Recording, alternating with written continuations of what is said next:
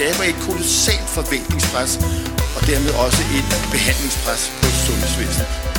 Øh, og det lader til, at nu lykkes det, og inden vi går ud af 2013, så er det rullet fuldt ud. Det skal det være.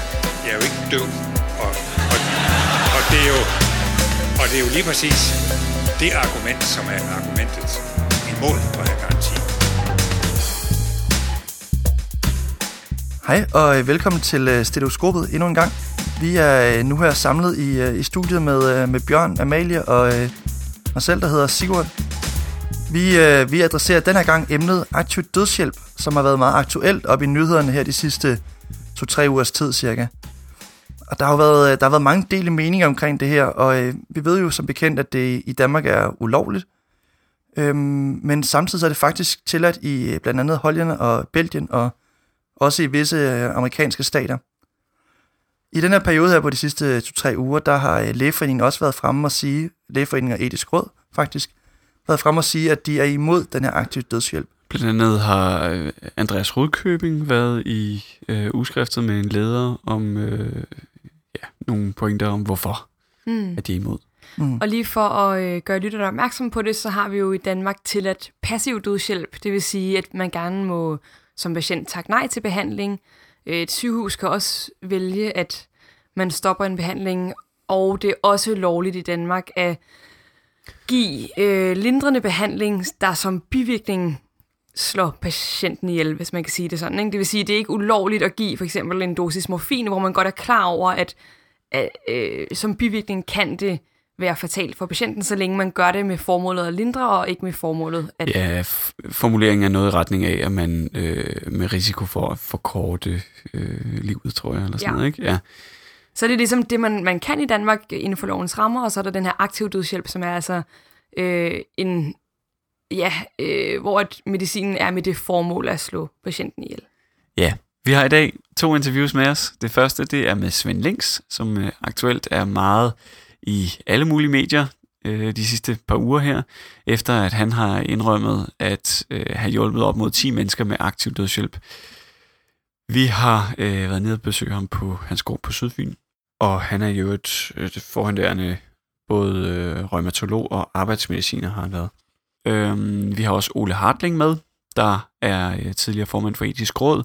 Han har været gæst hos os før, en af de første udsendelser, vi lavede, hvor han også talte om aktiv dødshjælp. I dag der har han fået, og Svend Links for så vidt, en del mere taletid, og øh, de her interviews, vi har lavet, de er blevet meget lange. Så vi har prøvet at øh, skære ind til benet til det, vi synes var allermest øh, relevant for lytterne. Men naturligvis så øh, er det jo os, der har vurderet, hvad vi synes var relevant og ikke relevant. Så hvis du har lyst til at høre de fulde uredigerede interviews, kan du også gøre det inde på vores hjemmeside. En af de næste par dage kommer de op. Det vil vi måske endda anbefale, øh, da vi selv er blevet temmelig overrasket over, hvor meget øh, vores personlige holdninger er blevet påvirket af argumenterne øh, fra de to herrer, vi har med i dag, både frem og tilbage. Bestemt. På trods af, at vi har skåret, så er øh, udsendelsen her blevet temmelig lang, men det er simpelthen af respekt for emnet og talerne, at vi ikke har ville skære endnu mere i det. Yes, så I må tage programmet i ørerne til under cykelturen, eller mens I øh, laver mad. Og så til gengæld så får I øh, en lidt mere fyldesgørende øh, vinkling på emnet, så frem for at det bliver de, de normale, eller de, de gængse argumenter frem og tilbage, man kun får ja. hørt. Man kan klippe det over på midten, hvor at, øh, vi skifter mellem de to interviews. Øh, og så vil vi selvfølgelig gerne høre, hvad I synes om vores udsendelsers længde på Facebook, fordi nu har vi prøvet lidt hvert af for tiden. Yes. Så er det ved at være tid til, at vi springer ind i det første interview. Og øh, jeg ved ikke, om du fik nævnt, Bjørn, at øh, Svend Links, han er med i den der gruppe Læger for Aktiv Dødshjælp. Jo, det er selvfølgelig en, øh, en pointe. Han står ikke helt alene, men han er ligesom den eneste, der har stukket hovedet frem. Øh, og vi springer direkte ind i interviewet, hvor at øh, Svend han lige giver os et resume på, og så hvad der har foregået de sidste 14 dage her. Inden for arbejdsmestring. Og hvad, ja, hvad der er sket de, de sidste to uger her, der skete det for tre uger siden, der, der, der var der en udsendelse i Radio 24 med formanden for etisk råd, Gorm Greisen, altså mig, vi diskuterede aktiv dødshjælp fra, Vester, fra kapellet for Vester Kirkegård. Og øh, vi snakkede blandt andet om en meget dårlig patient, som havde bedt os om, altså læger for aktiv dødshjælp, om, om at få aktiv dødshjælp. Og øh, det havde vi besluttet, at hun, hun havde så elendigt i det liv. Hun havde været indlagt mange gange, og, og øh, sad derhjemme i en kørestol med en ildflaske, og hun var ellers en selvstændig kvinde, der boede alene, og hun var helt til ordrene, og vi fik jo fat i hendes sygejournal, og det gør vi altid. Og, og vurderede hendes tilstand, og hun, hun havde under 20 procent af lungekapaciteten tilbage. Og hun havde det rigtig dårligt, og så vi besluttede så, at hende ville vi godt hjælpe, og, og det gjorde vi hen. Det skrev jeg så for Gordon Greisen i den der samtale, og øh, spurgte ham øh, måske lidt provokerende, hvad han ville gøre, hvis han fik henvendelse fra sådan en patient. Jeg henvendte at sørge for, at hun kom på sygehus og få en ordentlig behandling og sådan noget. Og så kan vi jo fortælle, at det havde hun altså prøvet forskellige gange. Og hun, det endte med de sidste gange, hun havde været indlagt også af sin egen læge, der har hun bare fået beroligende midler. Og hun må ikke engang få noget, der rigtig virker, men kun antihistaminika. De har jo også den bivirkning, at de, folk bliver trætte af dem. Ikke? Mm. Så det, det har hun bare fået, så går hun sidde hjemme med det. Ja. Og så spurgte kongressen, hvad, hvad, hvad, hvad gjorde I? Ja, vi hjalp hende. Hvad, hvad gjorde I siden? Ja, vi hjalp hende med aktiv dødshjælp. Så blev der stillet til tid, og så, og så skiftede vi emne. og så skete der sådan set ikke mere før en uge siden efter har jeg fået fortalt, der var der en af journalisterne inde på Radio 24 der pludselig kom til at tænke på, hov, hvad var det lige, der blev sagt der? Ja, og, og så, så tog de fat i det emne, og så rullede lavinen med ja. i alle medierne. Okay, øh, men vi vil jo gerne tage en, en snak med dig i dag, ikke kun om, hvordan at øh, din personlige sag har været her med, med den udvikling, der er sket, men også dig som måske fortaler for øh, jeres forening her, der er for det er ikke noget forening, det er, det er en samarbejdsgruppe. Samarbejdsgruppe, var, undskyld. Ja. Okay. Ja, det er vigtigt, fordi vi har ikke en formand, en flad struktur. Nå, på den måde. Ja. ja. Alright. Øhm, om hvad, øh, hvis, hvis I frit for leveren skal sige, hvorfor, altså hvorfor må, må man gerne øh, lave aktiv dødshjælp? Hvorfor gør I det? Der er, der er tre hovedargumenter. Det første, det er medfølelse. Og det andet, det er øh, det at vi mener, at et hvert menneske skal have lov til at, at bestemme over, så vidt muligt bestemme over sit eget liv og over sin egen død, og selv afgøre, om de, hvilken de behandling de vil have til sidst. Altså det det, man kalder autonomi, selvbestemmelsesretten simpelthen. Og det tredje, det er, at vi føler os forpligtet til at hjælpe, når, når et lidende medmenneske beder os om det. Ja, okay. Øhm, Hvordan er du ligesom blevet involveret i det her? Hvad, hvad har, har du noget, det bliver lidt, måske lidt personligt, men i bagagen, der har sendt dig i den retning, øh, der gør, at du har involveret dig i det her? Er det nogle patienter, du har, har mødt gennem årene, du har øh, tænkt, det, det duede ikke, eller hvad? Ja, der, der er en patient, som har spillet en stor rolle. Det var en gang, jeg var på en langtidsmedicinsk afdeling. Der lå en, en kvinde på nogen 50, som havde fået hudkræft på den ene kind. Men hun var ikke gået til læge med det, så den havde bare bredt sig ned i dybden. Og hun lå der på langtidsmedicinsk afdeling med, at hele den ene kind var forvandlet til et stort stinkende krater, som man kunne lugte helt ud på korridoren. Mm. Og øh, når man så fjernede den der forbinding, så kunne man kigge ned på stemmebåndene. Der stod og vibrerede ned i bunden af krater og udstødte væselyd. Hun kunne ikke, hun kunne ikke udtale ord mere, men hun kunne udstøde nogle lyde. Så stod man jo der på stuegang, og jamen det, det ser jo fint ud i dag, ikke? Og så gik man jo så videre, men jeg glemmer aldrig de øjne, hun sendte efter en, når man gik. Det, mm. Hjælp mig, ikke? Oh. Frygtelig skæbne, ikke? Ja. Og det, det har siddet i mig lige siden, og det var det, der satte mig i gang med det her område. Altså, som det er i dag, øh, og det skulle vi måske også prøve at rise lidt op for vores lyttere, så kan man jo give passiv dødshjælp ja. øh, hvor at man stopper med en livsforlængende behandling af en eller anden art, øh, versus aktiv dødshjælp, hvor at man øh, slår patienten ihjel. Er det ikke... Øh, Nej, man slår ikke nogen ihjel. Patienterne skal selv indtage et middel. Okay, ja. Eller trykke på en knap. Det skal dem selv, der udfører ja. handlingen. Fordi det, det er en god test på, om det er alvorligt ment, for okay. eksempel. Ikke? Og det mener vi også er det eneste rigtige, fordi det er jo ikke rart at være læger og skulle tage livet af folk. Okay. Måske også bare for netop at anskueliggøre, hvordan det rent faktisk fungerer, kan få dig til at til at tale os igennem, hvordan at, at det rent faktisk foregår, at man yder den her aktive dødshjælp.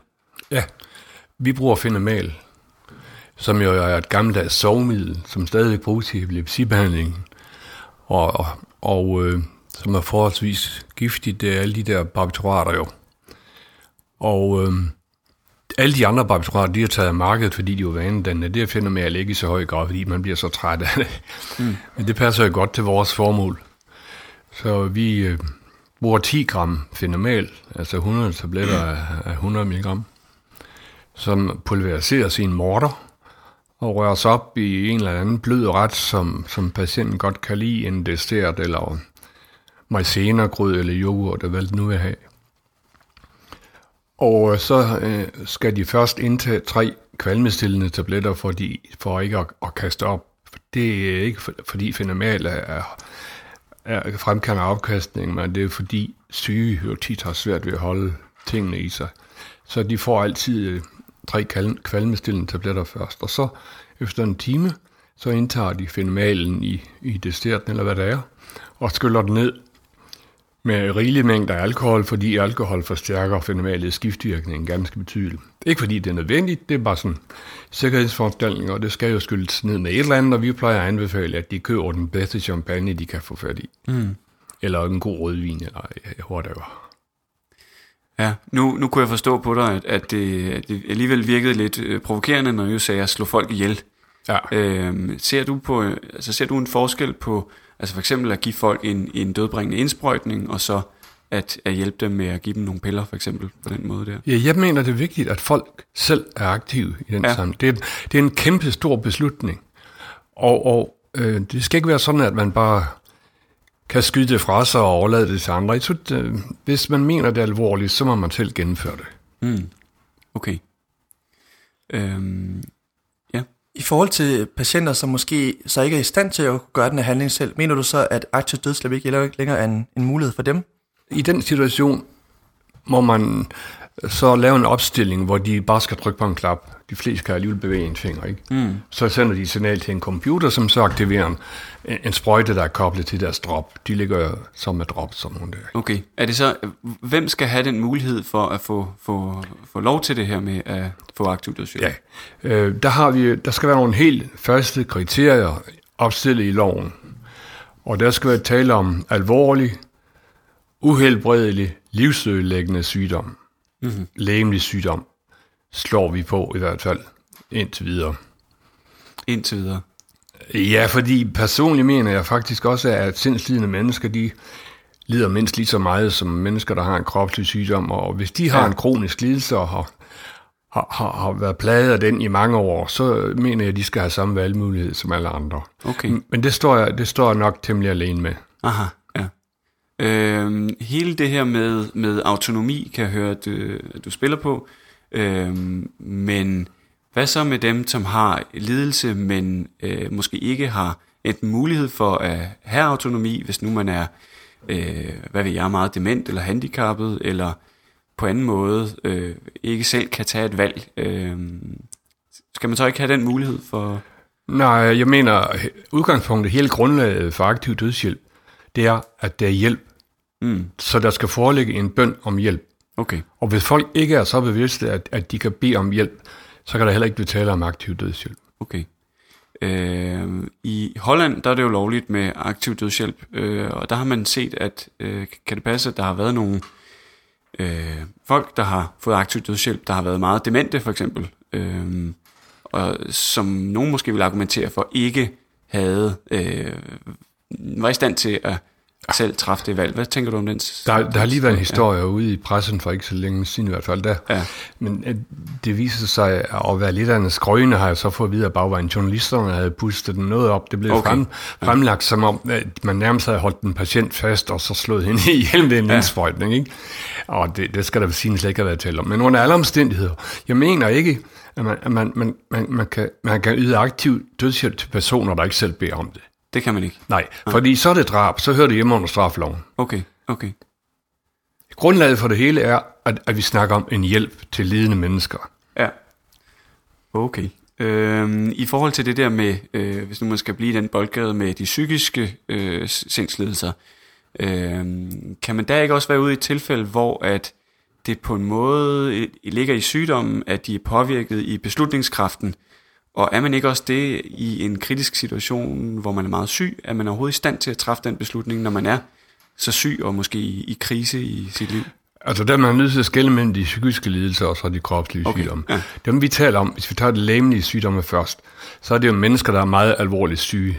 Det er jo ikke sådan en 14-dages influenza. Det er nogen, der har Ja. været syge i overvis, ikke? Og som langt hen ad vejen er nærmere døden, end, end vi andre i hvert fald. Vi er alle sammen er levende skal dø, men Ja. de er altså det er mennesker, der har været nede på sidste trin. Mange af dem har været i palliativ behandling i lang tid. Nogle har endda været indlagt på hospice og blevet udskrevet igen, fordi de ikke døde som mm. planlagt. Det er altså mennesker, der virkelig er dårlige. Ja. Så der er, ingen, der er ingen udsigt til bedring. Det er en af vores, et af vores kriterier. Okay. Det skal være uhelbredeligt og fremadskridende og alvorlig sygdom. Men når vi taler om de psykiske lidelser, det er klart, det er, en psykisk sygdom, den påvirker ens tænkeevne. Og det gør det også derfor til, til, til et problematisk grænseområde, og det er også derfor, der er så mange, der er imod, og det kan jeg sagtens forstå. Men jeg, jeg forestiller mig bare, at, at mennesker, der for eksempel har lidt af manodepressiv psykose i, i årvis, og de er i behandling, og jeg har set, hvordan de svulmer op, når af dem bliver fuldstændig uformelig, og de får jo deres symptomer en gang imellem alligevel, og jeg kan sagtens forestille mig, at de mennesker, de, de opgiver i året, de, vil- de vil ikke, men de har ikke noget af livet. Mm. Og det er ikke, de har haft det i me- meget lang tid.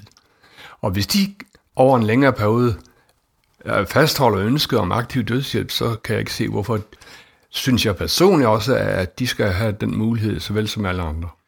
Nu, nu siger du jo, at der skal være faste kriterier i en lov, og øh, nu har jeg desværre ikke læst det udkast der, som du, du har lavet, men øh, jeg køber personligt måske det argument med, at øh, der altid kommer til at være en eller anden grad af vurdering, øh, og fratager man ikke folk noget af autonomien ved, at man som for eksempel læge ville være den, der skulle vurdere, hvornår at folk er kandidater til aktiv dødshjælp. Jo, øh, men der mener jeg, at øh, der er vi teknikere. Vi er teknikere, vi er, vi er konsulenter.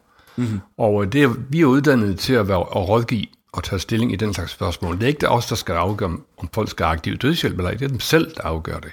Mm-hmm. Vi skal bare være med til at belyse, om de kriterier, der står i loven, er opfyldte.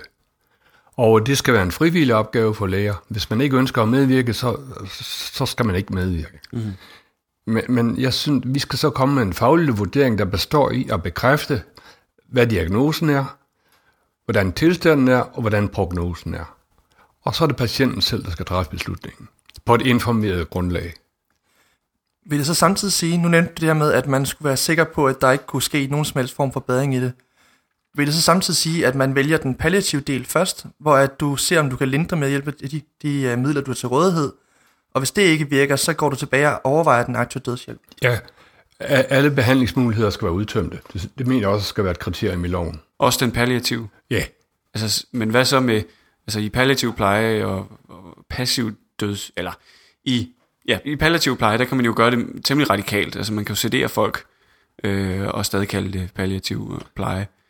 Er det ikke en mulighed? du må give dem smertelindrende medicin, hvis de har ondt. ikke? Men hvad nu, hvis du har kronisk lungesygdom, hvor der kun er 20% lungekapacitet tilbage? Der er ikke. Hvis du giver dem morfin, så dør de lige på stedet, fordi så lammer du respirationscenter. Mm. Og dem kan man jo ikke gøre noget for palliativt, udover at give dem ilt og beroligende midler, og det er den behandling, de altid får. Ja.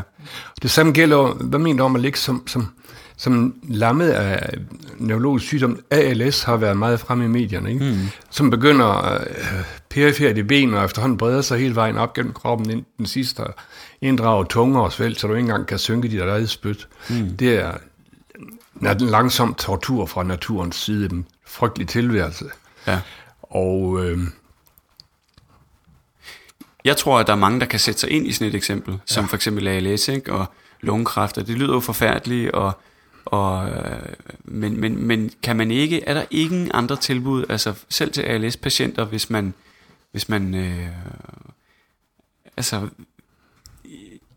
nå, nu tabte jeg det tråden, men tæ- tænker du på at give ALS-patienterne palliativ sedation? mm, lidt, ja, Jamen, det er der aktiv dødshjælp, så, fordi så lægger du dem i narkose. ja, Og, og så dør de jo. Det er der ingen, der kan tåle i længden. ja, Så er det i virkeligheden bare langtrukken aktiv dødshjælp. ja, okay. Og det er det, vi er modsat med. Vi synes, hvis folk siger, nej, jeg vil ikke ligge der i månedsvis, måske i år, og bare blive dårligere og dårligere og dårligere, det vil jeg ikke byde nogen, hverken mig selv eller andre. Jeg vil gerne dø. Og så skal de have lov til selv at træffe den beslutning. Ja. Okay, hvis vi så vender tilbage til det der med, øh, jeg nævnte om, om, om den, øh, jeg kritiserede lidt den, den lægelige vurdering der før, ikke? Øh, kommer man ikke unægteligt til at påvirke patientens beslutning? Kan det helt undgås? Altså både som læge og som samfund, at man, at man på en eller anden måde anerkender den her aktive dødshjælp, og måske også som pårørende, altså at man har det den udgang, og at man som patient kan komme til at tænke, var det ikke alle det bedre, hvis bare at jeg forsvandt? Jamen, det er patientens afgørelse. Okay. Det er voksne mennesker, der har været igennem hele møllen. Tit mange gange, og i lang tid, i overvis. De kender hele rummet ud og ind. Og det er mm. klart, at, at de informationer, vi kommer med, det, jeg vil da håbe, de påvirker dem, fordi det er jo ment som informationer, ikke? Og, og, og som skal indgå i deres beslutningsgrundlag. Så det, man påvirker jo altid sine omgivelser, men det, sådan er livet jo hele vejen igennem. Det er stadigvæk patienten selv, der moden skal træffe sin beslutning på et informeret grundlag. Mm-hmm. Jeg kan også til at tænke på, når vi sidder som medicinstuderende og relativt spæde i hele den her øh, læge-patient og kommunikation omkring nogle svære emner, hvordan kommer du ind på emnet omkring aktiv dødshjælp med en patient? Er det patienten selv, der bringer det op, eller er det noget, som du nævner som, en, øh, som værende en mulighed? Det er altid patienten selv, der bringer det op. Det skal komme som spontan bøn. Det er altid patienter, der henvender sig til mig. Jeg har aldrig henvendt mig til nogen i den anledning. Men gør man ikke det indirekte ved at anerkende det på samfundsbasis? Altså så gør man folk opmærksom på den mulighed, og dermed kunne jeg da forestille mig, at man, man øgede, eller man ville se flere patienter, der henvendte sig vedrørende aktiv dødshjælp, som jeg også har set i for eksempel Holland, ikke? hvor yeah. tallene stiger. Ikke? Men at tallet stiger i Holland, viser jo bare, hvor stort behovet er. Og det ja, så kan man også sige det. Ja. Ja. Øh, jo, det, det er da klart, det er et tilbud. Vi betragter med servicetilbud. Vi tjener, der står med bakken. Mm. Kald på mig, så kommer jeg. Sig gå, så går jeg. Sådan står der i det nye testament, ikke? Og det ser vi som vores rolle. Vi står med en bakke med, med piller på, og de kan, de kan tage det, hvis de vil. De, har, de får muligheden, hvis de ikke gider leve mere. Så vil vi hjælpe dem, ellers går vi bare. Når det er, hvis man laver en lov af den her karakter her, øh, når, så man ændrer den, så kunne man forestille sig, at man ændrede samfundets mentalitet. Øh, der har været øh, stemmer i den her debat, der har luftet argumentet om en glidebane. Ja. Altså, at øh, hvad er det næste? Hvis det er, at vi... Jeg kan jo høre på dig, at du har nogle lidt øh, skarpe kriterier til, at det skal være folk, der er klar til selv at kunne tage det valg, ikke? Men kan, den, kan det ikke bare være det næste, der bliver ændret? Så er det psykisk syge, som du er inde på, og så er det nogen, der ikke selv kan tage det valg, som man hører i Holland nu. Og hvor, hvor stopper det, ikke? Er det ikke... Øh... Jamen, så, så den risiko eksisterer jo, hver gang man indfører en ny lov. Man kan jo ikke vide, hvilke beslutninger lovgiverne vil træffe i fremtiden. Mm. Og jeg synes, så længe man holder sig inden for lovens rammer i et vestligt demokratisk samfund, så giver det ingen mening at tale om glidebane. Øh, glidebanen opstår, hvis, hvis man så begynder, det breder sig uden for, for lovgivningsrammer, og det, det, det er selvfølgelig kriminelt. Man skal holde sig til loven, og, og så giver det ikke, ingen mening at tale om glidebaner, bare fordi et behov lige så stille afdækkes. Og jeg har, du kommer også ind på det der med, med mentalitetsændring i samfundet, fordi man har sådan en lov. Meget bekendt har hollændernes mentalitet, der sådan helt generelt overhovedet ikke ændret sig. De har haft loven siden, ja, de har udført aktiv dødshjælp siden 1990, og ja. har indført loven i 2002. Mm-hmm. Altså, og der er kommet mange rapporter øh, om, hvad det har, har medført. Og jeg, jeg har ikke set skygge af dokumentation for, at der skulle være sket et mentalitetsskred i nogen som helst retning. Mm. Kunne man forestille sig, at der blandt befolkningen er... Øh, tror du, lad mig omfølge det anderledes. Tror du, at alle befolkningen er opmærksom på, hvad den passive dødshjælp indeholder, og hvad den, hvad kan man sige, hvor den adskiller sig fra den, den aktive? Og hvilke tilbud man faktisk har i dag i den palliative pleje? Ja, ja. Det synes jeg efterhånden, det har man jo fortalt dem nu i årtier. Mm. Ikke? Og, og, og den sidste debat her, der, der, der, der er modstanderne af aktiv dødshjælp jo utallige gange været fremme med beskrivelser af, af den palliative medicin og, og ja. passiv dødshjælp. Og, og det, det, man må være lige så godt informeret om det, som man er om aktiv dødshjælp. Der kan ikke være nogen forskel. Mm. Tror du, at der kunne være nogen, der kunne komme i klemme med den lov her? Altså, at, at øh, lad os sige, at, der, at der, vi køber præmissen, at der er nogen, der kunne have godt af den her lov her. Øh, kunne der ikke være nogen, som, som vi, vi rammer, øh, der kommer til at få noget aktiv dødshjælp, de måske ikke skulle have haft? Jo, men det, Det kan man måske godt forestille sig. Jeg har bare svært ved at se, når vores kriterier er så skarpe, som de er. Mm. Det handler om lægemsy- alvorlig lægemlig sygdom, fastslået diagnose og, og kendt prognose. Okay. Kendt lægelig vurderet helbredstilstand. Ja. Altså, jeg har svært ved at se, hvor, hvor fejltagelserne skulle komme ind. Nu kan jeg så ikke, øh, apropos øh, hvor studiet kommer fra, sådan noget, nu har jeg ikke nogen reference på det her, men at man i Holland skulle have forskellige øh, behandlere fra meget øh, ens, øh, hvad kan man sige, øh, populationer af, altså behandlere af de samme mennesker i virkeligheden, ikke? som har meget forskellige rater for, hvor mange øh, der ender med at få dødshjælp. Øh, er det ikke sådan lidt øh, kritisabelt, at, øh, at der så er en læge, der måske øh, giver nogle flere dødshjælp end andre, og kunne det ikke være et tegn på, at der måske var øh, på en eller anden måde et mismatch mellem, hvem der bør få den her dødshjælp, og hvem der faktisk får den? Jo, i, høj grad. Og derfor skal vi også have nogle helt klare regler og kriterier for, hvordan det skal foregå. Mm-hmm. Og det skal frem i lyset. Okay. Er det ikke fremme i lyset i Holland, eller noget af deres kriterier er gode nok? Jo, det er det nok, men, men der, det er et andet system, som jeg ikke går ind for. Det er jo den enkelte læge næsten, der, der, der, der giver indsprøjtningen. Ikke? Jo. Øh, der er en regel om, at, at, at, at patient også skal ses af en anden læge, men så er de altså to om det. Og hvis det er en, en kollegaen i det samme lægehus, eller en nabolægen, jeg ved ikke, jeg ved ikke, hvor godt sådan noget det fungerer. Det, men det er ikke noget, vi går ind for. Mm, okay, så det skulle være, hvordan skulle det så også, skulle det være en eller anden instans, der tog stilling Ja, der står i det lovforslag, Ja. ja. at uh, der skal mindst et vist antal kolleger. Man kan jo diskutere, hvor mange det skal være, men, men, men for det første må den dansk læge slet ikke udføre aktiv dødshjælp. Det skal være assisteret selvmord. Patienten skal selv Nå, på den måde, ja. ja. Så der er vi ud over det problem. Jo, ja. Det, men ud over det, så skal der altså være flere kolleger, der er med ind over og vurdere. Det står også i det lovforslag, jeg har lavet. Så øh, jeg tror, at risikoen for fejltagelser er lille. ja. Okay. Jeg skal måske så også lige sige til, til lytterne her engang, at øh, Svend har været så venlig at give os en bog med, hvor at, øh, at lovforslaget også er, øh, er, er med i, så vi kommer til at læse det højt for jer også, så I kan se, hvad det er, vi, vi snakker om. Der er 17 paragrafer. Det, Okay, ja. Vi tager det en bid ad gangen.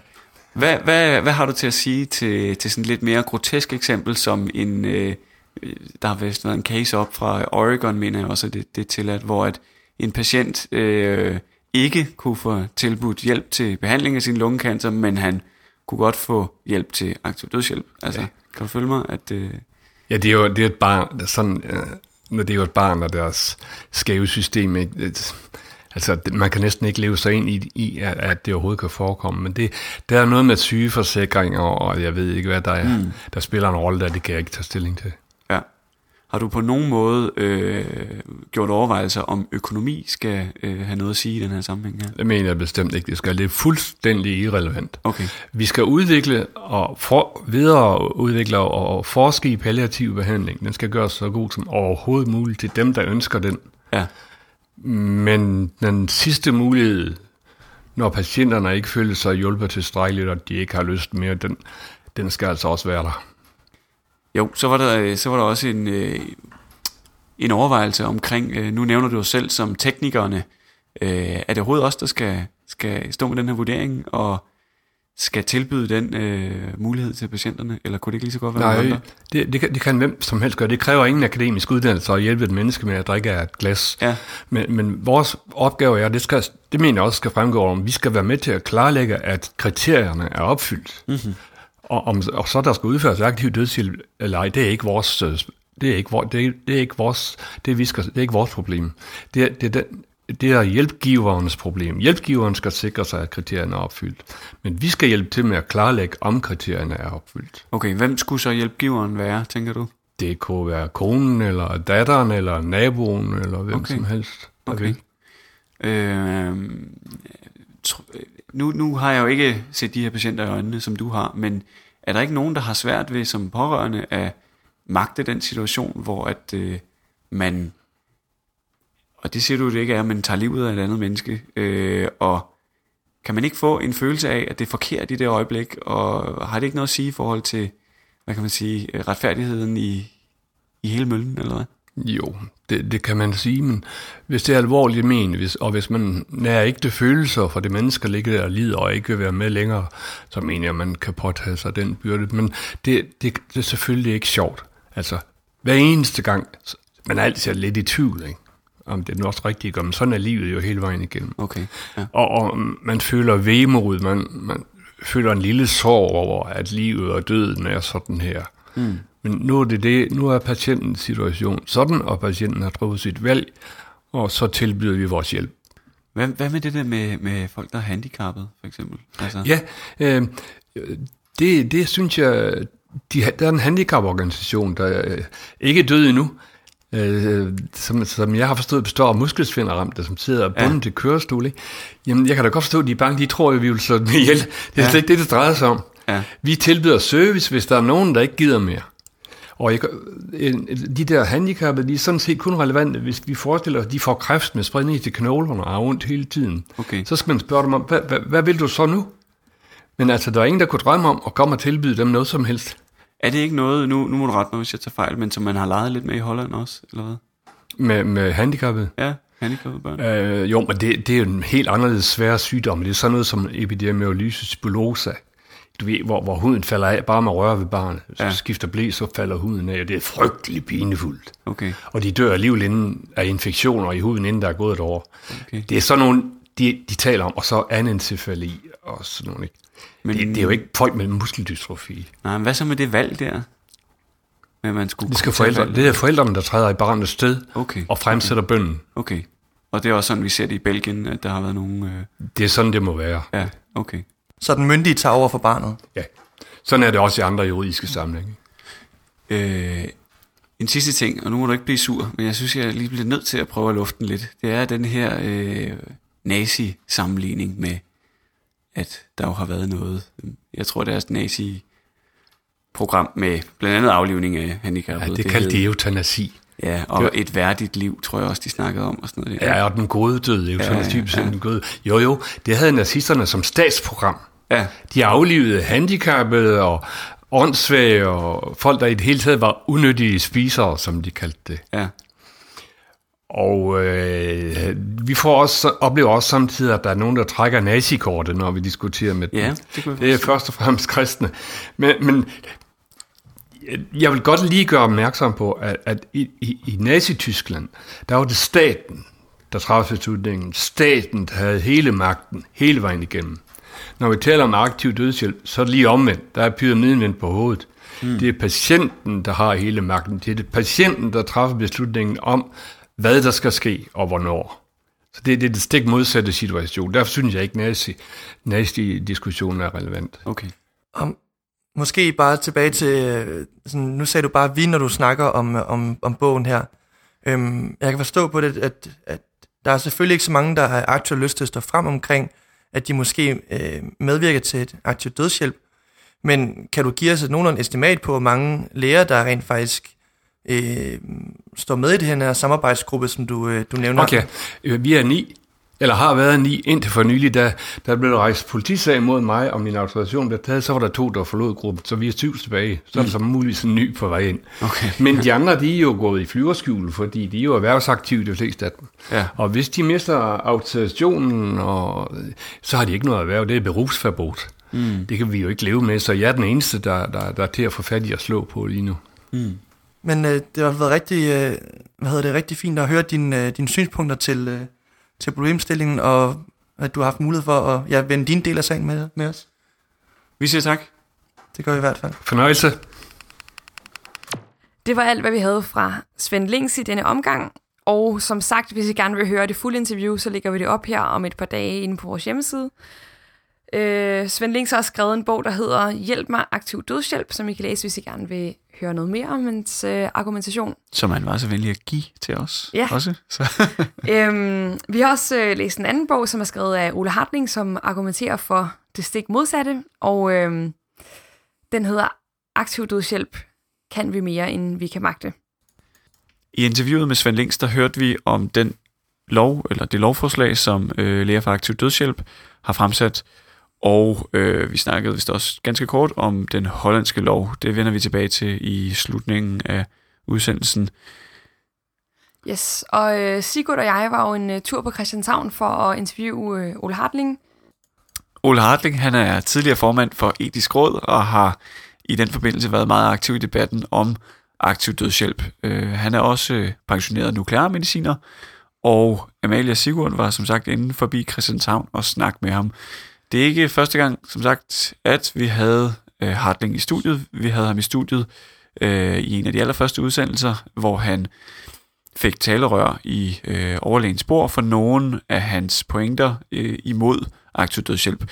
Vi hopper direkte ind i interviewet nu, øh, hvor vi lander øh, på nogle af de pointer, som vi har hørt fra ham før, og så klør vi ellers på derfra. Debatten, og derfor vil jeg gerne nævne, at jeg nævner det også i min bog, øh, at i det øjeblik, vi kommer med vores behjertede tilbud, og med alt forståelse for, at det er svært, og vi skal nok, og altså den handlekraftige, kompetente, magtfulde læge, men vi ikke bliver på livets side, så får vi også sagt til den madsyge, du kan jo altså også undværes nu.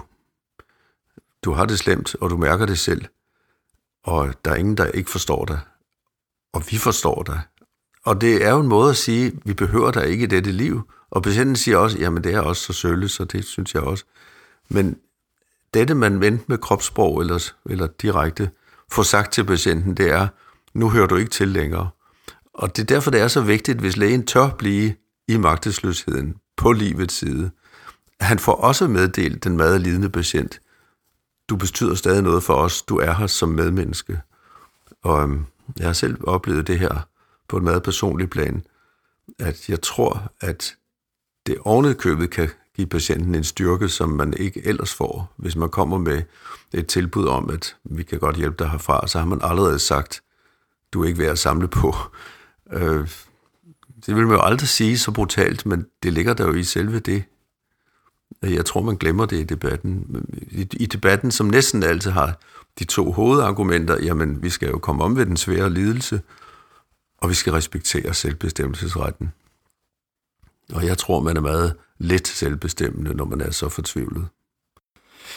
Øhm, vi, har, øh, vi har kigget på den bog, du har skrevet, som, øh, som hedder Aktiv Dødshjælp. Kan vi mere, end vi kan magte? Øhm, og umiddelbart så får jeg et indtryk af, at vi har et, et individplan, og vi har et samfundsplan, som man kan tage debatten på. Øhm, nu må du endelig rette mig, hvis du synes, der er noget forkert, jeg får sagt her. Nej, det er sådan set godt udtrykt. Øhm, det er gået mere og mere op for mig. Det har desværre ikke fået så meget med i bogen, at øh, min modstand øh, mod aktiv dødshjælp ikke er så meget på individplanet, hvor jeg jo som læge har mødt, og også som pårørende har mødt, tungt, en tung tilstand, svær tilstand, stor lidelse. Mm. Det, det er jo ikke svært at forstå, øhm, og det er heller ikke svært som læge at sige, her må man da kunne komme om ved denne lidelse på en effektiv måde. Men faktisk går det op for mig, at det kunne være et pligtetisk spørgsmål, og man skulle svare så, jamen her skal vi så afbryde lidelsen næsten med alle midler, det har vi pligt til, for vi har pligt til at lindre. Mm. Min modstand er nok, når det kommer til stykket nytteetisk, sådan at forstå, eller konsekvensetisk, som er et synonym for det, at jeg tror, det vil få uheldige konsekvenser for vores kultur, men sådan set også for den enkelte patient, sådan at en, en bred lovgivning, som man bygger på ekstreme tilfælde, kommer til at ramme generelt. Det er jo problemet med, at man tager enkelttilfælde, som er svære, mm. og danner en generel lov. Og denne, det, at det rammer generelt, det vil jo så gå ud over den enkelte i en eller anden fremtidig situation, et andet menneske. Ja. Øhm, må jeg høre en gang, vil du prøve at uddybe, hvad det er sådan på et samfundsplan, øhm, at du frygter, at det vil få sådan for den generelle befolkning, og ikke for individet en, en negativ konsekvens, hvis vi får en lov, der tillader eller eutanasi? Ja, øh, jeg kan også udtrykke det med et citat, jeg øh, nylig faldt over for den amerikanske læge Atul Gawande, som har skrevet en meget øh, læst bog, og meget øh, en bog, der har været verdensomspændende, nu også en oversat til dansk her i 2016. Den hedder At være dødelig. Og han siger, man behøver måske ikke at være så bange for et misbrug af en sådan lov som afhængigheden af den. Og det er det, jeg frygter, at hvis man får en lovgivning, en mulighed, ligesom et brud på den barriere, der er mod at slå ihjel som læge, så vil det øh, få andre konsekvenser i retning af, at det bliver noget, man kommer til at skulle overvejes, alene det, fordi muligheden er der. Muligheden skaber indirekte en tvang. Øh, man er nok fri til at vælge, sådan skal det jo gerne øh, bestemmes, og de regler, der er om det, er, at det er et frit valg. Voluntary euthanasia, som de siger på engelsk, altså det frivillige, men man er så ikke fri for valget. Valget bliver lagt som en mulighed, og derved en tvang, man så skal tage stilling til i en situation, hvor man som regel ikke er i overskud til at vælge, men er allerede trængt og bange og håbløs. Så der er en, der har udtrykt det sådan, det er en, det er en norsk filosof, der hedder Reuter, som jeg også fortæller om, eller skriver og citerer, at der udvikler sig en eutanasi-mentalitet. Og det betyder, at det kommer ind i ens tankegang. Det, man ser på mennesker, som er i en bestemt del af livet, og en lidelsesfuld tilstand, eller måske handicappet, eller øh, som ikke lever op til øh, ja, produktionskrav, alt muligt. Man kommer til at se på medmennesker som nogen, der måske skulle vælge det her, efterhånden ikke så meget for deres egen skyld, som for samfundets skyld, vores tid og vores udtrættethed som pårørende, eller fordi vi skal bruge pladsen. Altså man, man kan sådan ane nogle, nogle situationer, hvor formålet nok bliver ved med at sige, det er der for patientens skyld, men, men hvor det i virkeligheden begynder at blive med andre motiver, som sniger sig ind, hvis man får den ja, eutanasi-mentalitet, altså en måde at se på lidelse på, at der er, det bliver så løsningen. Og der vil jeg nævne to ting. Det ene er, at vores onkologiske afdelinger, har jeg hørt fra både vores egen, hvor jeg kommer fra Vejle, og der var også en, der bakkede det op fra Rigshospitalet, som siger, at vores patienter, de bliver ikke om at blive slået ihjel. De er i en situation, hvor de er absolut øh, i kritisk tilstand. Men de taler ikke om, at vi skal tage livet af dem. Vores ledende overlæge på Vejle siger, at det har hun i sin lange karriere praktisk talt aldrig hørt. Mm. Men det ville hun jo komme til at høre, hvis det var en, en ting, som både pårørende og omgivelser begyndte at, at forvente, at patienten tog stilling til. Så mm. det beskytter altså, det beskytter mod, at vi overhovedet kommer til at tale om det. Det andet, øh, jeg vil nævne her, er, at øh, den etiske professor i etik, Theo Bohr, som jeg øvrigt skal møde her i næste uge fra Holland, øh, som i begyndelsen var øh, tilhænger af eutanasi, altså aktiv dødshjælp, og som mente, at det må man kunne lave så faste regler for, at det ikke vil føre til et misbrug. Han er en af dem, der har vendt om og siger, at vi er kommet for langt her. Det sker for hyppigt, det bliver måden, man dør på. Hvis man er alvorligt syg, så ser alle på en med den forventning om, at nu skal du sikkert også have aktiv dødshjælp. Så når du spørger om, hvad gør det ved vores kultur? Ja, jeg tror, det gør en hel del. Mm. Det, det vil gøre, at det bliver den måde, man skal dø på. Ja, så det kommer til at ændre og så vores menneskesyn. Simpelthen, så det kommer til at ændre vores... Menneskesyn. Ja, fordi hvordan ser vi på mennesker? Vi ser på mennesker som nogen, der så kan undværes. Ja. Vi forstår godt, de kan undvære. De har det jo også slemt, så vi kan godt argumentere, det vil vi altid gøre. Og det er derfor, synes jeg nogle gange, debatten bliver lidt flad. Man siger, jamen er du da, går du da ikke ind for, at vi skal lindre lidelse? Jo, men altså det er som om, at så har man kun taget den side med af det, som alle jo umiddelbart intuitivt forstår, at vi skal undgå lidelse. Ja, og det han henviser til, professoren i etik, det er, at, øh, at der er sket en, en form for glidebane i Holland, eller at antallet virkelig er steget af folk, der beder Altså antallet har stået egentlig stille nogle år, det har jeg også selv fulgt med i, men det er rigtigt, at nu er antallet steget. Det er efterhånden den måde, man vælger og der er sket en anden ting, som er interessant. Det er for nogle år siden, vi skal tilbage til omkring 2010-2012, der var det ganske få, som blev bevilget, nogle gange også kritiseret bagefter, for at få aktiv dødshjælp på grund af en psykisk tilstand. Og det antal er steget nu. Sådan at hvis man er livstræt og, og ked af, af tilværelsen, som en kvinde fik aktiv dødshjælp, fordi hun var ked af det aftryk, som tiden havde sat på hendes udseende. Det gjorde, at hun var, ud, at hun var træt af livet, og øh, der skulle man jo nok have sagt, jamen, det er jo ikke nogen dødelig sygdom, som det oprindeligt var meningen. Den dødelige, lidelsesfulde tilstand skulle man afhjælpe. Det var sådan tanken med det. Nu er det blevet til, nu øh, kan mennesker søge om det, fordi de er øh, og også altså åbenbart fået det bevilget i en række tilfælde, fordi de er, de er kede af det liv, som de nu har fået. Ja, Øh, ved du om, øh, når det ligesom er kommet der til i Holland, at det ikke kun er den patient, som har en udbredelig dødelig sygdom, der kan få det? Er det så fordi, de har ændret det originale lovforslag, eller er det ligesom bare, at, at der er nogen, der søger, som, og så er der nogle individuelle læger, som vælger at godkende en sådan ansøgning? Det er det sidste, du siger, at, at der er sket et skred i den måde, man tolker loven på. Den er egentlig ikke lavet om. Den blev endelig øh, vedtaget i 2001 og, og aktiveret sat i værk i 2002 af overhuset. Men de har jo i mange år haft praksis med en, ja, det bør vi ikke gå ind på, men at, som de også selv siger, en mærkelig juridisk tilstand, hvor det var forbudt efter straffeloven, men blev tilladt efter ligesynsloven. Og, og det var jo så øh, mærkelig en konstruktion, at man sagde, at vi må altså lave en egentlig lov, som så blev vedtaget først i underhuset og endeligt i overhuset. Øh, men der er egentlig ikke lavet om på, på de grundlæggende regler. Øh, der har været nogle, nogle øh, tillæmpninger, øh, det man kalder Groningen-rapporten, hvor man begyndte også at, at tage livet af handicappede børn, som jo, jo ikke har en habil og kompetent mulighed for at vælge selv. Øh, men det har, man, det har man også åbnet for, og, og, og der er en bestemt øh, ting her, som er vigtigt at huske på, det er, at vi gør det jo altid i den bedste interesse, the, øh, som de siger på engelsk, in the best interest of the patient. Og det vil vi jo altid fastholde, øh, uanset hvad motivet er. Øh, der er jeg måske så meget misantrop, altså øh, menneskekritiker, at jeg ved, at, at vi besmykker vores handlinger det, vi har en tendens til at vælge, det er derfor, der overhovedet findes hyggeleri, det er jo fordi, vi ved, hvad der er rigtigt. Hyggeleriet er jo lastens hyldest til dyden, som man kalder det i Ros Foucault's maxime, der siger, det fordi, lasten vil ikke være sig selv bekendt. Den ved jo godt, hvad det rigtige er, og derfor hygler man. Man siger sådan, i stedet for sådan.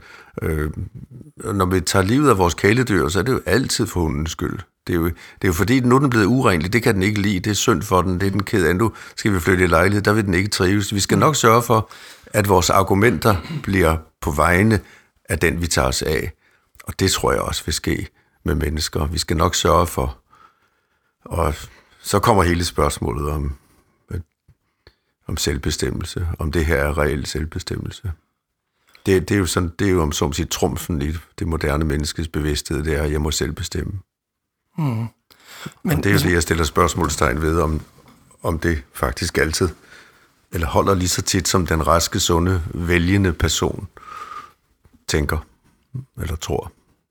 Øhm, men hvordan bliver, fordi ja, det er jo en interessant debat, det her med passiv dødshjælp øh, over for aktiv dødshjælp, og netop som du siger, så står det jo i sundhedsloven, at man gerne som læge må give øh, lindrende behandling, øh, selvom man ved, at patienten som bivirkning vil dø af det. Yeah. man kan godt fremskynde en død for en øh, terminal patient, hvis man ikke giver medicinen for, at patienten dør, men for at lindre smerte. Øhm, yeah. Og så nu har vi øh, øh, kigget på her, Svend Link skriver i sin øh, bog et, et, et øh, lovforslag til, hvis nu man skulle lave en lov, der lovliggjorde aktiv dødshjælp, hvordan skulle den så se ud? Og der er en givet, den er meget lang, men øh, der har han så givet et forslag, som hedder, at det aldrig skal være lægen, der selv øh, giver en indsprøjtning eller en pille, men lægen, som ligesom, hvis der er en patient, der henvender sig og siger, jeg vil gerne anmode om at få aktiv dødshjælp, så er det så en gruppe af læger, der sidder og kigger på, om det er en sag, der kan blive godkendt ud fra en række kriterier, og hans kriterier er så for eksempel, at hvis man har uhelbredelig kræft eller kronisk lungesygdom, et fremskrevet stadium, som er fremadskridende og uhelbredelig neurologisk sygdom i et seneste stadium, og et par andre. Han har sådan nogle specifikke kriterier, der skal være opfyldt, og så mener han så, at det aldrig skal være lægen, der giver pillen eller indsprøjtning, men som ligesom kan, kan man sige, udskrive øh, receptet og gøre, at patienten selv, så det bliver ligesom et øh, selvmord, men det er selvfølgelig lægen, der udskriver det middel, som, som muliggør selvmordet. Øhm, hvordan tænker du, at det scenarie over for den, den øh, passive dødhjælp, hvordan, hvor er den etiske sondren mellem dem, eller forskel? Det er et omfattende spørgsmål. Øhm, for det første øhm, er jeg ikke sikker på, at det er rigtigt, at, øhm, at vi har en tilstand, som alligevel vil føre til døden, og hvis vi lindrer. Øh, I nogle tilfælde, der vil smertelindrende behandling, som er effektiv, tage smertechokket væk, og dermed arytmitendensen, fordi adrenalin og noradrenalin øh, kan give hjertearytmier, så man faktisk får en bedre og også længere liv. Øh, det her dobbelteffekt, som du i virkeligheden antyder der, det er, altså, at man giver smertestillende medicin, så har man den uhensigtsmæssige, men parentes bemærket i virkeligheden hensigtsmæssige effekt, at patienten dør hurtigere. Øh, palliative læger har prøvet at ramme en pæl igennem det her begreb om dobbelteffekt, fordi de er jo blevet så gode til at lindre på en sådan måde, at man ikke øh, ligesom skulle beskyldes for i virkeligheden at ønske patientens død med det, man gør, men man bare kalder det øh, smertelindring, og så har man i virkeligheden den anden hensigt. Sådan, den må bare ikke udtrykkes åbent. Øh, alle de her ting, det, får, det, det giver en, en mistanke om, at passiv dødshjælp kunne være et skalkeskjul for at udføre aktiv dødshjælp, når man i øvrigt synes, det var egnet. Og øh, der er nogle filosofer, som tænker, at ordet passiv og aktiv, ja, det er begge to dødshjælp, og om det er passiv eller aktiv, det er næsten bare en strid om ord. En hver læge ved nøjagtigt, hvornår man gør det ene, og hvornår man gør det andet. Jeg sagde før, at livstråden kan briste, eller jeg vil sige, at den kan være så tynd, at den let brister, og det er klart, at i nogle situationer, der kan patienten knap nok tåle lindring, fordi det jo altid har en, en sidevirkning, det har et hvert medicament, altså en, at det dæmper respirationen. Og derfor må man give aktive farmakologiske stoffer, det må man gerne som læge, velvidende, at der altid vil være øh, en, en dæmpning af respirationen, en vis risiko. Men man ved nøjagtigt, og så dygtig er vi trods alt, vi ved godt, hvornår en dosis er dødelig, og hvornår den ikke er, og hvornår man bare fordobler den, som man jo da har gjort i Danmark, det må vi jo indrømme. Og vi, vi, vi ved altså godt, hvor vi er der. Øh, igen er det jo så et spørgsmål om, øh, om det er sygdommen, som udvirker døden, og som vi så i sidste ende ikke kan hindre. Vi, vi kan jo i sidste ende ikke stille noget op mod døden. Den er jo et vilkår. Mm. Eller, eller det er os, der udvirker døden ved at afstedkomme. Det er ligesom en sammenblanding af vores magtforhold, at vi tænker, selv når vi ikke hindre sygdommen, for det underforstået, det kan vi altid. Nej, vi kan ikke altid. Livsforlængende behandling, som det hedder så smukt, det, det er jo mange gange en illusion. Vi kan ikke forlænge livet. Når døden skal til at indtræde, så indtræder den. Det, det er en, en folke, folkelig misforståelse, at læger kan forlænge livet så længe som helst. Det har de ingen muligheder for. Jeg synes, du havde et andet, øh, Amalie, en anden del i spørgsmålet, som... Jamen, det var det med det konkrete lovforslag Nå her. jo, som og man kan gøre det præcist. Altså, det, det tvivler jeg jo på. Øh, Man kan jo se, hvor mange tvivlsspørgsmål, der dels øh, er i Holland, dels også deres praksis viser, at de kommer i tvivl, hvor det så alligevel skal vurderes af The Review Committee, øh, som de har øh, sådan en revisionskomité, der ser på alle tilfælde og vurderer dem bagefter. Hvor mange gråzoner der alligevel er. Om bare et ord, du nævnte, der skal være fremskreden øh, sygdom. Fremskreden, allerede der har vi jo et skøn, hvad er fremskreden? Mm. Altså vi ved jo nok, når det er så fremskreden, at det er døden nær. Vi ved også, når det ikke er særlig fremskreden. Men der er nogle gråzoner imellem, som ja. man vil kalde nogle gange fremskreden, nogle gange ikke fremskreden. Og for eksempel står der i de fleste lovtekster, at, at der skal være et vedvarende ønske. Er det et vedvarende ønske over tre dage eller over en uge? Mm. Og patienten skal, skal frivilligt øh, og velovervejet, det skal være et velovervejet ønske. Hvad er velovervejet? Hvad, hvor vel er velovervejet? Ja, ja, ja. Der, der, vi undgår simpelthen ikke de gråzoner, der er. Og lige snart vi har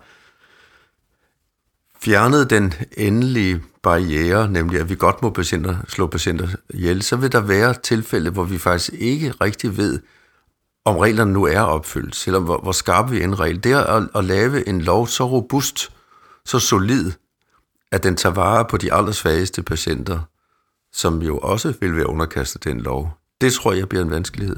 ja. Og det, og det viser, altså erfaringen fra Holland, især og nu også Belgien, viser, at det er en vanskelighed. Ja. Så du mener ligegyldigt, hvor specifikt man formulerer Ja, vi prøver at sætte ting ja. ind i kasser, som Sigurd foreslog før, at man mm. siger, at vi skal tage, øh, tage, tække det her, det er, det Ja. er, det er af, og når det er opfyldt, så... Men sådan er øh, livet, altså, det er min påstand Ja. meget sjældent. Ja. Øhm, du nævner også i din bog, at det her spørgsmål omkring øh, selvbestemmelse, som jo bliver brugt meget i øh, argumentationen for aktiv dødshjælp, at patienten har ret til autonomi, øh, er komplekst i det, at det altid trods alt vil være lægens beslutning, om patienten er kandidat til en aktiv dødshjælp.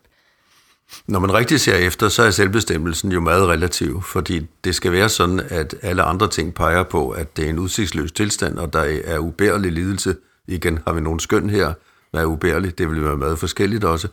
Men øh, der er en række til, som, som lægen synes skal være opfyldt. Jeg snakkede med en hollandsk læge, som var med i de her review-komiteer og selv udførte aktiv dødshjælp. Og han sagde, at vi er jo meget ansvarsbevidste. Det ved jeg godt, sagde jeg. Vi er meget omhyggelige, og jeg stiller patienten mange spørgsmål, før vi kan skride til handling. Og det er ikke altid, jeg er tilfreds med patientens svar, sagde han så. Det lød sådan lidt pudsigt i mine ører, så sagde han, det betyder alligevel, at spørgsmålet om patienten får det bevillet, det afhænger af din grad af tilfredshed. Nå jo, sagde han, men det er jo os, der skal ligesom stå for det, og, og derfor må vi jo, jamen det forstår jeg godt, siger jeg så, men i sidste ende bliver patientens selvbestemmelse relativt. Du skal også synes, det er en god idé. Og det vil sige, der kommer det skøn og den dømmekraft ind, som er lægens, men ikke patientens. Og så det er også en vigtig pointe, at, at selvbestemmelsen er altid delvis eller relativ. Den er underkastet den andres vurdering af, om det nu er et rimeligt ønske, patienten øh, har. Forstår jeg dig så også ret, når du siger det her, at øh, når lægens skøn kommer ind over, så er selvbestemmelsesretten, den reduceres, men øh, ser du det så også som værende en forkert ting, at det er lægen, der også kan tage stilling til, om øh, patienten skal, skal have den aktive dødshjælp? Eller er det blot en konstatering af, at selvbestemmelsesretten ikke er ultimativ? Ja, hvad enten man nu lod lægen eller en dyrlæge eller en soldat gøre det, så vil der jo altid komme et eller andet element af, at en forudgående dialog, eller man kan tikke øh, kasser af, og en vurdering af, er det et rimeligt ønske fra patientens side? Mm. Fra patientens side. Øhm,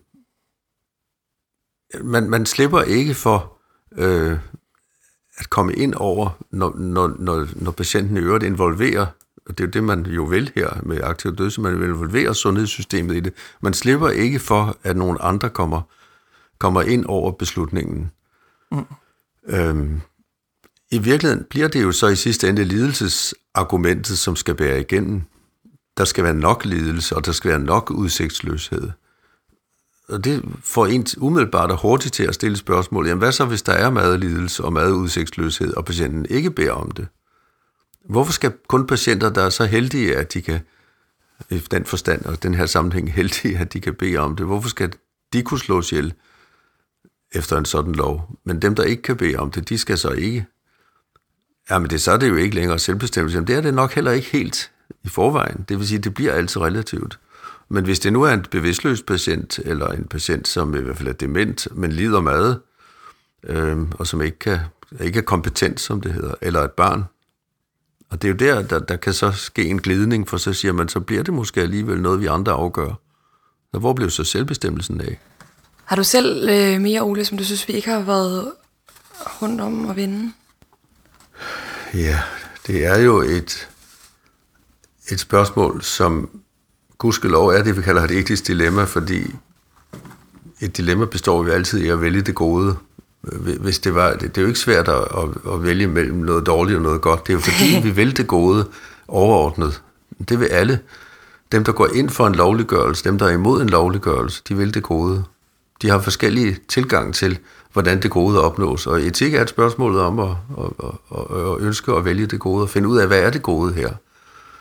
Og, og det er rigtigt nok, som tror vi talte, talte om, at et eller andet sted er min modstand nok konsekvensetisk. Mm. Eller egentlig nytteetisk. Jeg tror, det vil blive til skade for flere, end det vil gavne. Ja, ja. For det betyder jo ikke, at jeg ikke kan se situationer og har stået i dem som læge, hvor jeg vil sige, at her var det da det bedste for patienten Ja. at få lov at slippe, komme af krogen. Jeg tror, det er meget, meget farligt skridt at tage og blive den, hvor vi sådan skal en gang imellem siger jeg, nu ser vi, her passer det vist godt, og her mener patienten det vist, og her mener patienten det vist ikke helt sikkert, eller vi, vi får så meget i, hvor den, det vi kalder selvbestemmelse, får vi så meget medbestemmelse ind, og der er det måske klogt at, at, at have den endelige barriere, at vi simpelthen ikke slår vores patienter ihjel aktivt. Jeg, jeg tror, det, det er så banalt, og jeg tror, det, det Holland jo prøvede og håbede på, det var, at med klare regler, så ville de kunne styre det her. Men de har jo fået en anden gråzone, som de nu kæmper med. Hvornår var det så rigtigt? Og, og hver gang så kommer de ud i spor, øh, og det kan vi jo se mange eksempler på i litteraturen, at de har deres review-komitéer bagefter, som siger, her var det så ikke rigtigt. Mm. Nå, men hvad gør vi så? Jamen, vi kan jo ikke andet sige, at nu skal I prøve at passe bedre på næste gang. Men vi kan ikke undgå disse tilfælde.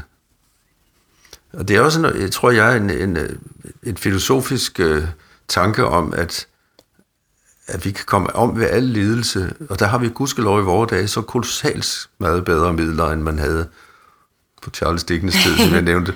Vi er virkelig blevet gode til at, at håndtere mange slags lidelse, både psykisk og, og kløe og kvalme. Og, øh, vi har midler, øh, vi, vi står i virkeligheden med så kraftige midler til at lindre, at i virkeligheden burde spørgsmålet om aktiv dødshjælp være langt mindre aktuelt i vores dage. Men det er som om, at det moderne menneske, som tænker, at jeg kan beslutte alt, både min fødsel og min død, og, og alt i mit liv, jeg, jeg, jeg kan så også vælge det her. Og der tror jeg altså, man, man gør sig en illusion. Så tror jeg egentlig bare med de uh, sidste ord, vi vil sige tusind tak, for vi får lov til at komme ud og uh, snakke med dig, Ole. Det har været en, uh, en fornøjelse og en god mulighed for at både stille lidt kritiske og lidt uddybende spørgsmål. Ja, Jamen, tak skal I have. Det var også godt at snakke med jer. Dejligt. Tusind tak, det var super inspirerende. Tak til øh, Ole Hartling. Igen, hvis I gerne vil høre øh, de pointer, der er ikke noget at komme med, så kan I jo høre det fulde interview inde på vores hjemmeside. Og hvis vi lige skal øh, prøve at opsummere lidt med risiko for at lægge ordene i munden på nogen, så lader det til, at selvfølgelig både øh, Ole Hartling og Svend Links, de vil gerne det bedste for patienten, og er jo enige om, hvordan opnår vi det. Og de vil øh, meget gerne undgå lidelse begge to. Lige ikke? præcis. Ja, anerkender lidelsen, ja. Yes, og de vil også begge to gerne, øh, de har begge to en anden øh, accept af, at det eksisterer det enkelte tilfælde, hvor man med en, en individuel patient kan sige, okay, lige præcis i det her tilfælde vil aktiv dødshjælp måske være det bedste, men en stor forskel er, at Svend Links mener, at det er et øh, stort problem, at der er mange patienter, for hvem aktiv dødshjælp vil være det bedste, hvorimod Ole Hartling mener, at det er ganske, ganske få patienter. Og udover det, så mener Ole Hartling så, at de her ganske få patienter skal ikke have lov at danne grundlag for den lovgivning, vi har i Danmark, fordi en sådan lovgivning vil få øh, værdimæssige konsekvenser for vores samfund i form af sådan en, øh, hvad det han kalder det, øh, eutanasi-tankegang eller eutanasi-mentalitet. Der er en masse konsekvenser, som vi lige har hørt om sige. Ja, præcis. Det, ja. Hvorimod Svend Links mener, at der ikke vil ske sådan skred i vores mentalitet. Det bare vil være en lov. Jamen, han siger så samtidig, Svend Links, at en ting er, at, øh, at man kan snakke om en glidebane, men en anden ting er, at man forholder sig til det lovforslag, som bliver skrevet og som bliver indført. Så øhm, som udgangspunkt siger han, hvis der bliver indført et lovforslag, så er det det, man skal holde sig til. Øhm, og alt, der bliver gjort derudover, det vil så også være ulovligt. Mm. Og så prøver han som at øh, lave det her lovforslag, som vi lige kan kigge lidt på nu, hvor han gør det meget specifikt, hvad er det for nogle kriterier, der er, og på den måde mener han, at man kan begrænse det til kun at handle om de få, frem for at gå ud over de mange. Jeg synes også, vi skal lige tilføje også kort, at, øhm, at hvor der øh, måske også er en forskel i forståelsen mellem Svend Lings og Ole Hartling i forhold til antallet, så præciserer Svend Lings heller ikke, at der nødvendigvis er mange, men han siger, at han mener, at der i hvert fald er et behov blandt befolkningen til, at man burde indføre aktiv dødshjælp. Ja. Og han tolker jo et det stigende antal øh, folk, der har fået aktiv dødshjælp i Holland, som værende et udtryk for, at behovet øh, er ved at blive uncovered, ikke? Jo, præcis. Mm, ja. Det er værd at tage debatten herhjemme også. Så lad os tage et kig på øh, først Hollands lov her. Øh, vi prøver hurtigt at løbe det igennem. Øh, Hollands lov er sådan lidt mere åben, og øh, den starter med at øh, have et punkt, der siger, at øh, patientens lidelse skal være øh, ubærlig øh, med ingen udsigt til forbedring. Så er der næste punkt, der siger, at øh, hvad kan man sige, patientens øh, forspørgsel for aktiv dødshjælp, øh, eller eutanasi, som det er formuleret, det skal være frivilligt og skal øh, være en forspørgsel, der eksisterer over tid. Øh, og så må den øvrigt ikke være påvirket af andres øh, indflydelse eller øh, stoffer eller lignende. Øh, heller ikke psykologisk øh, påvirkning, hvis nu man er øh, psykisk syg. Så øh, skal patienten være fuld øh, bevidst om hendes eller hans egen øh, læmelige øh, situation, altså hvilken sygdom øh, patienten har, og hvad konsekvensen vil være øh, på sigt af den her sygdom, hvordan prognosen er, øh, og hvilke muligheder man har for for eksempel palliativ pleje. Næste punkt. Øh, man skal have set øh, flere forskellige øh, separate øh, doktorer, som øh, kan bekræfte de øh, førnævnte punkter. Og så den deciderede dødshjælp, den skal øh, være øh, foranstaltet i en øh, lægelig façon, øh, sådan så at der er øh, en læge til stede. Øh, og så skal patienten være mindst 12 år gammel. Og jeg beklager den lidt stakerede oplæsning, men det var en live oversættelse fra engelsk, I lige fik der. Så det er øh, loven i Holland, og vi kan allerede, øh, sådan, nu har I måske lyttere tænkt over, at der er et par punkter her, som godt kan tolkes lidt på. Øh, for eksempel sådan noget med, at lidelsen skal være ubærlig. Hvem er det, der siger, den skal være ubærlig? Øh, og hvad betyder ubærlig for ja, det subjektive menneske? Ja, øh, eller sådan noget som, at øh, patienten må være øh, fuldt ud øh, bevidst omkring sin øh, sygdomssituation. Øh, hvem skal vurdere, om patienten er bevidst om det, for eksempel. Så der er et par øh, punkter, der er værd at bide mærke i der. Og for lige at drage nogle paralleller til øh, Læger for Aktiv Dødshjælps lovforslag, som er blevet lavet. Øh, vi har fundet det inde på øh, deres egen Facebook-side, hvor det ligger frit tilgængeligt. Øh, de nævner blandt andet her, at øh, der også skal være det her tidsaspekt, at man gennem mindst en uge øh, har haft et ønske om at, øh, at få adgang til aktiv dødshjælp. Og i den forbindelse skulle vi måske nævne øh, et andet tidsaspekt, for eksempel øh, diagnoskriterierne ICD-10, kriterierne for depression, som er, at man skal øh, have haft depressive symptomer gennem to uger. Så det ja. vil sige, at man kan godt få aktiv dødshjælp, inden at man kan få diagnosen depression. Og der er blandt andet også nævnt nogle forskellige øh, sygdomme som eksempler på, hvad der kan være øh, hvad kan man sige, adgangsgivende, hvis man kan kalde det, til, øh, til aktiv dødshjælp. Og det er for eksempel øh, uhelbredelig, uhelbredelig kræft eller øh, fremadskridende uhelbredelig neurologisk sygdom i senstadium.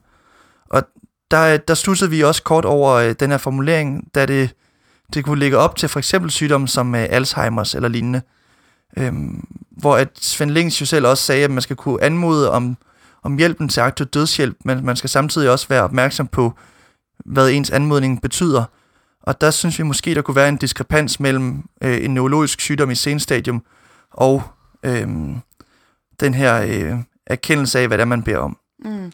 Og det er, jo, øh, det er jo fint, sådan, at der er skrevet nogle konkrete punkter til præcis, hvad er det for nogle sygdomme, man skal have, men som Hartling også er inde på, så, så vil der jo nok være nogle tilfælde, som klart definerer sig inden for de her kriterier, og så vil der være nogle tilfælde, som er lidt mere i en, øh, i en gråzone, hvor der bliver lidt mere vurdering fra og fortolkning fra lægens side. Man kan øh, tydeligt mærke, at de er øh, opmærksomme på den her problematik med, at det skal være så objektivt som muligt.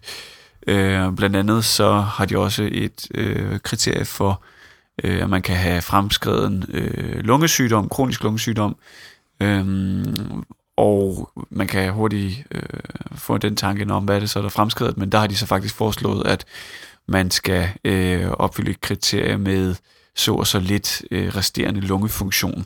Så det kunne blive øh, temmelig objektivt øh, på den måde.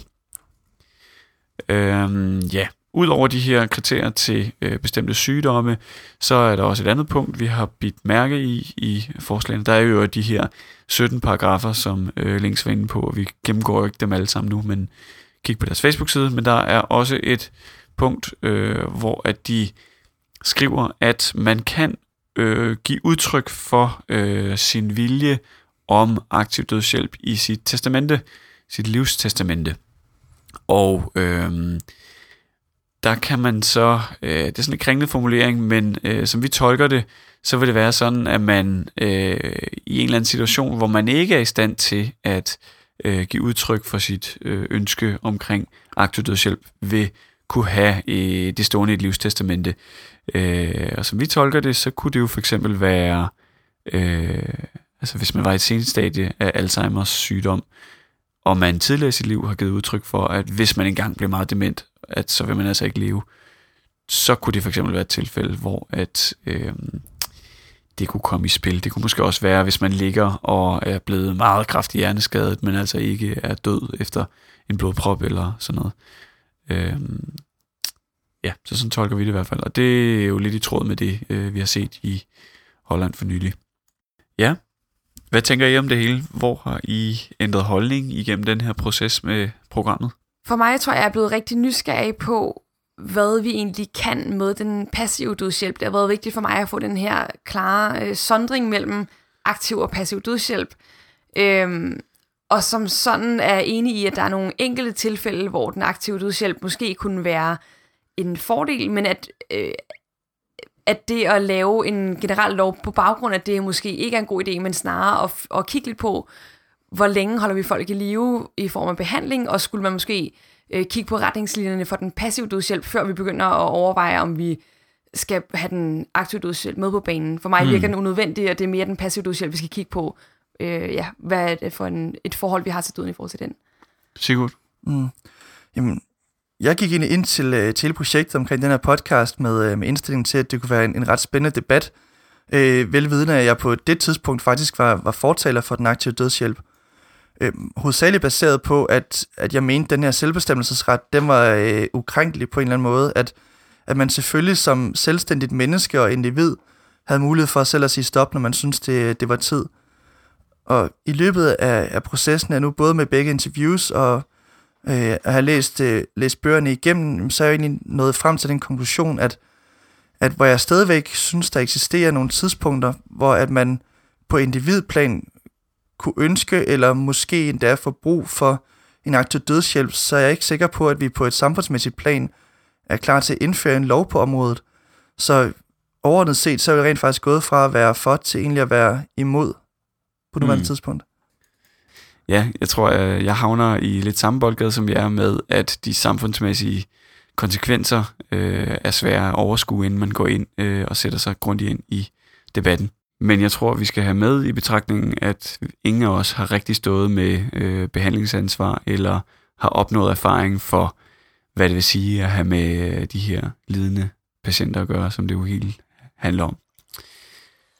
Så med de ord, så siger vi tak for i dag, øh, for diskussionen om aktiv dødshjælp. Beklager, det blev langt, og vi øh, mangler bare lige at høre fra Nick, der har været en tur i DR-byen, og snakke med tv-lægen i overlægens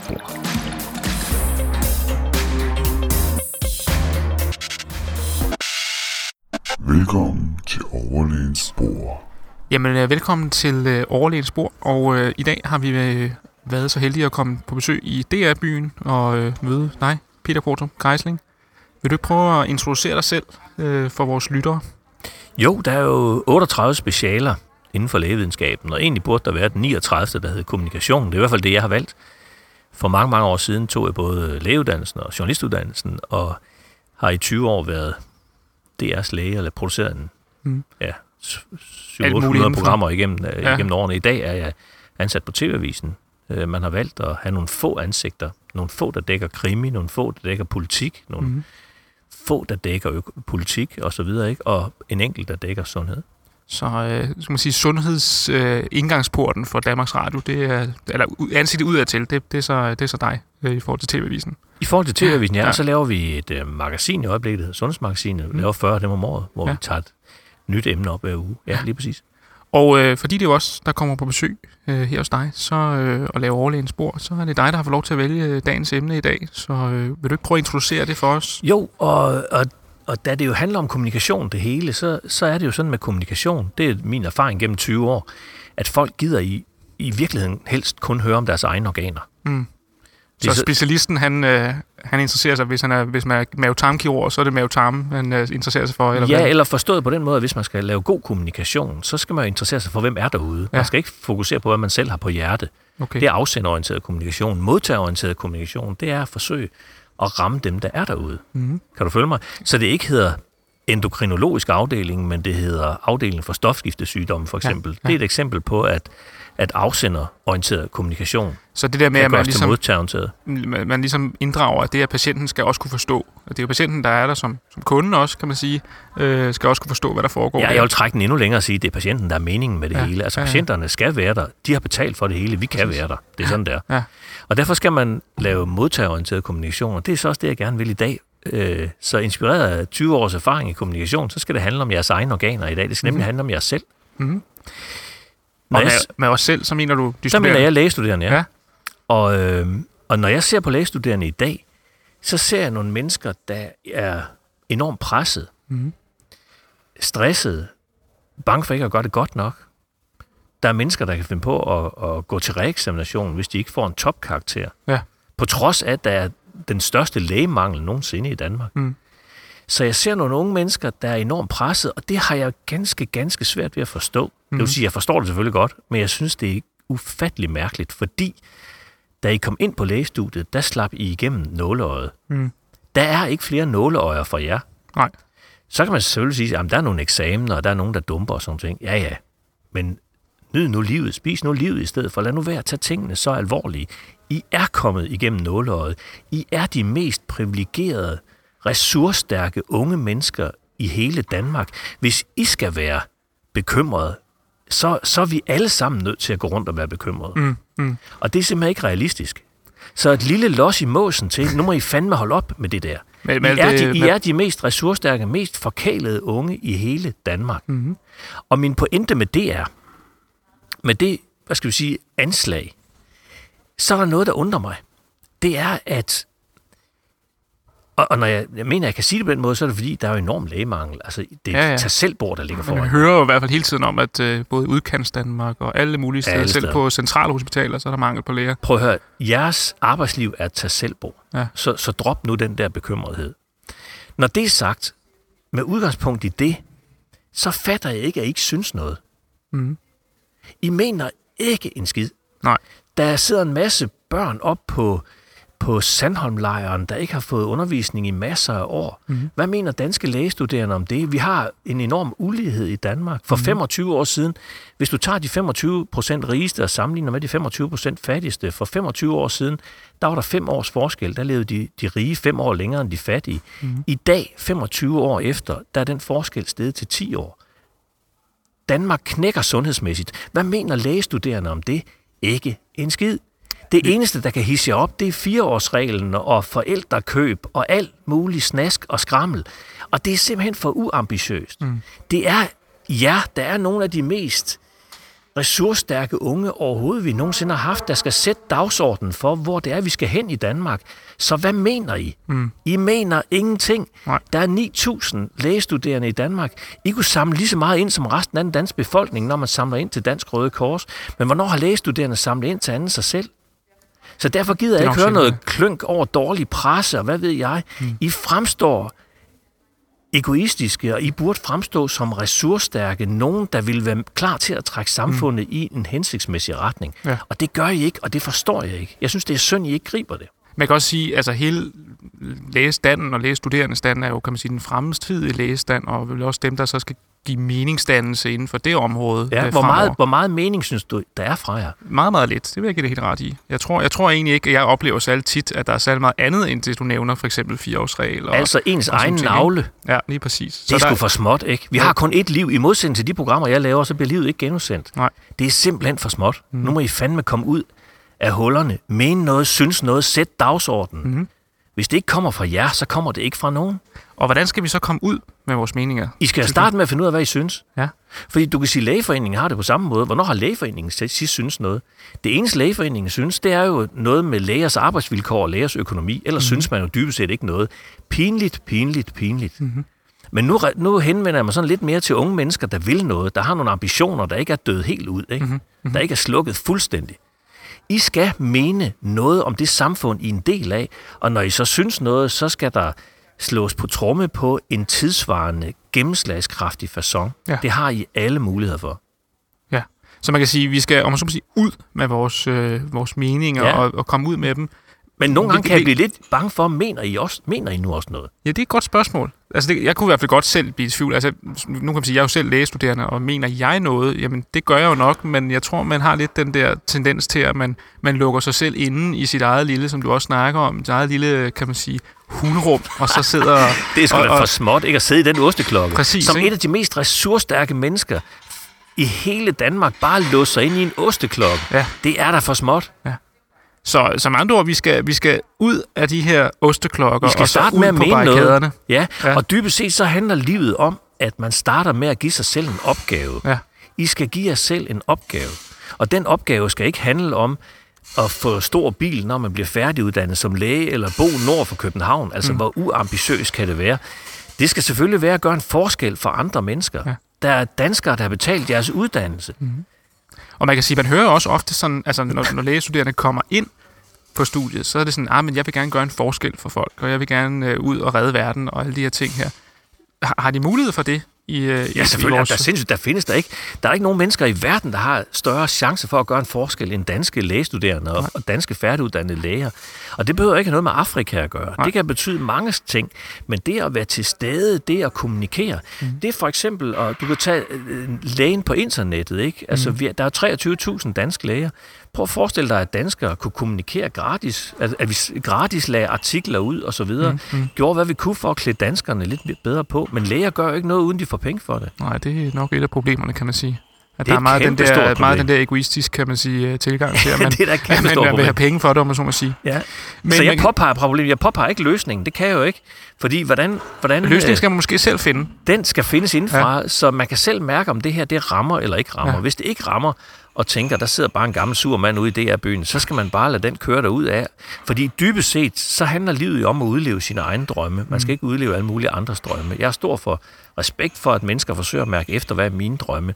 Men find nu nogle drømme, der giver lidt mening. Nogle drømme, der gør en forskel. I Ja. stedet for drømme, der bare handler om at rave til sig. Og man kan sige, at vi har jo altså mange, altså vi har jo en faglig organisation, som ikke kun kunne være faglig, men også nærmere kunne tage meninger som Kun sådan sagtens, ting, ikke? men fadet synes jo ikke noget. Nej.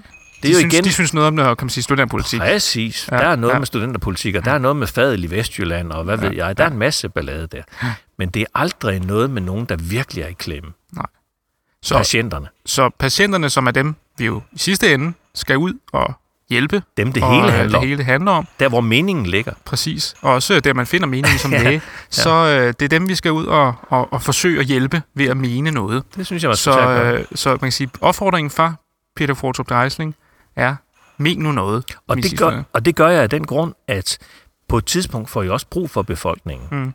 Og hvis man ikke har skabt sig nogle venner i fredstid, hvis man ikke har skabt noget goodwill, så er det svært at finde i så, krigstid. Så er der bare ingen opbakning. Nej. Så fremstår man bare som egoister. Mm. Men øh, Peter Fortrup Dreisling, tak fordi I måtte øh, komme ud og snakke med dig. tak. Og tak for opsangen. For licenskroner.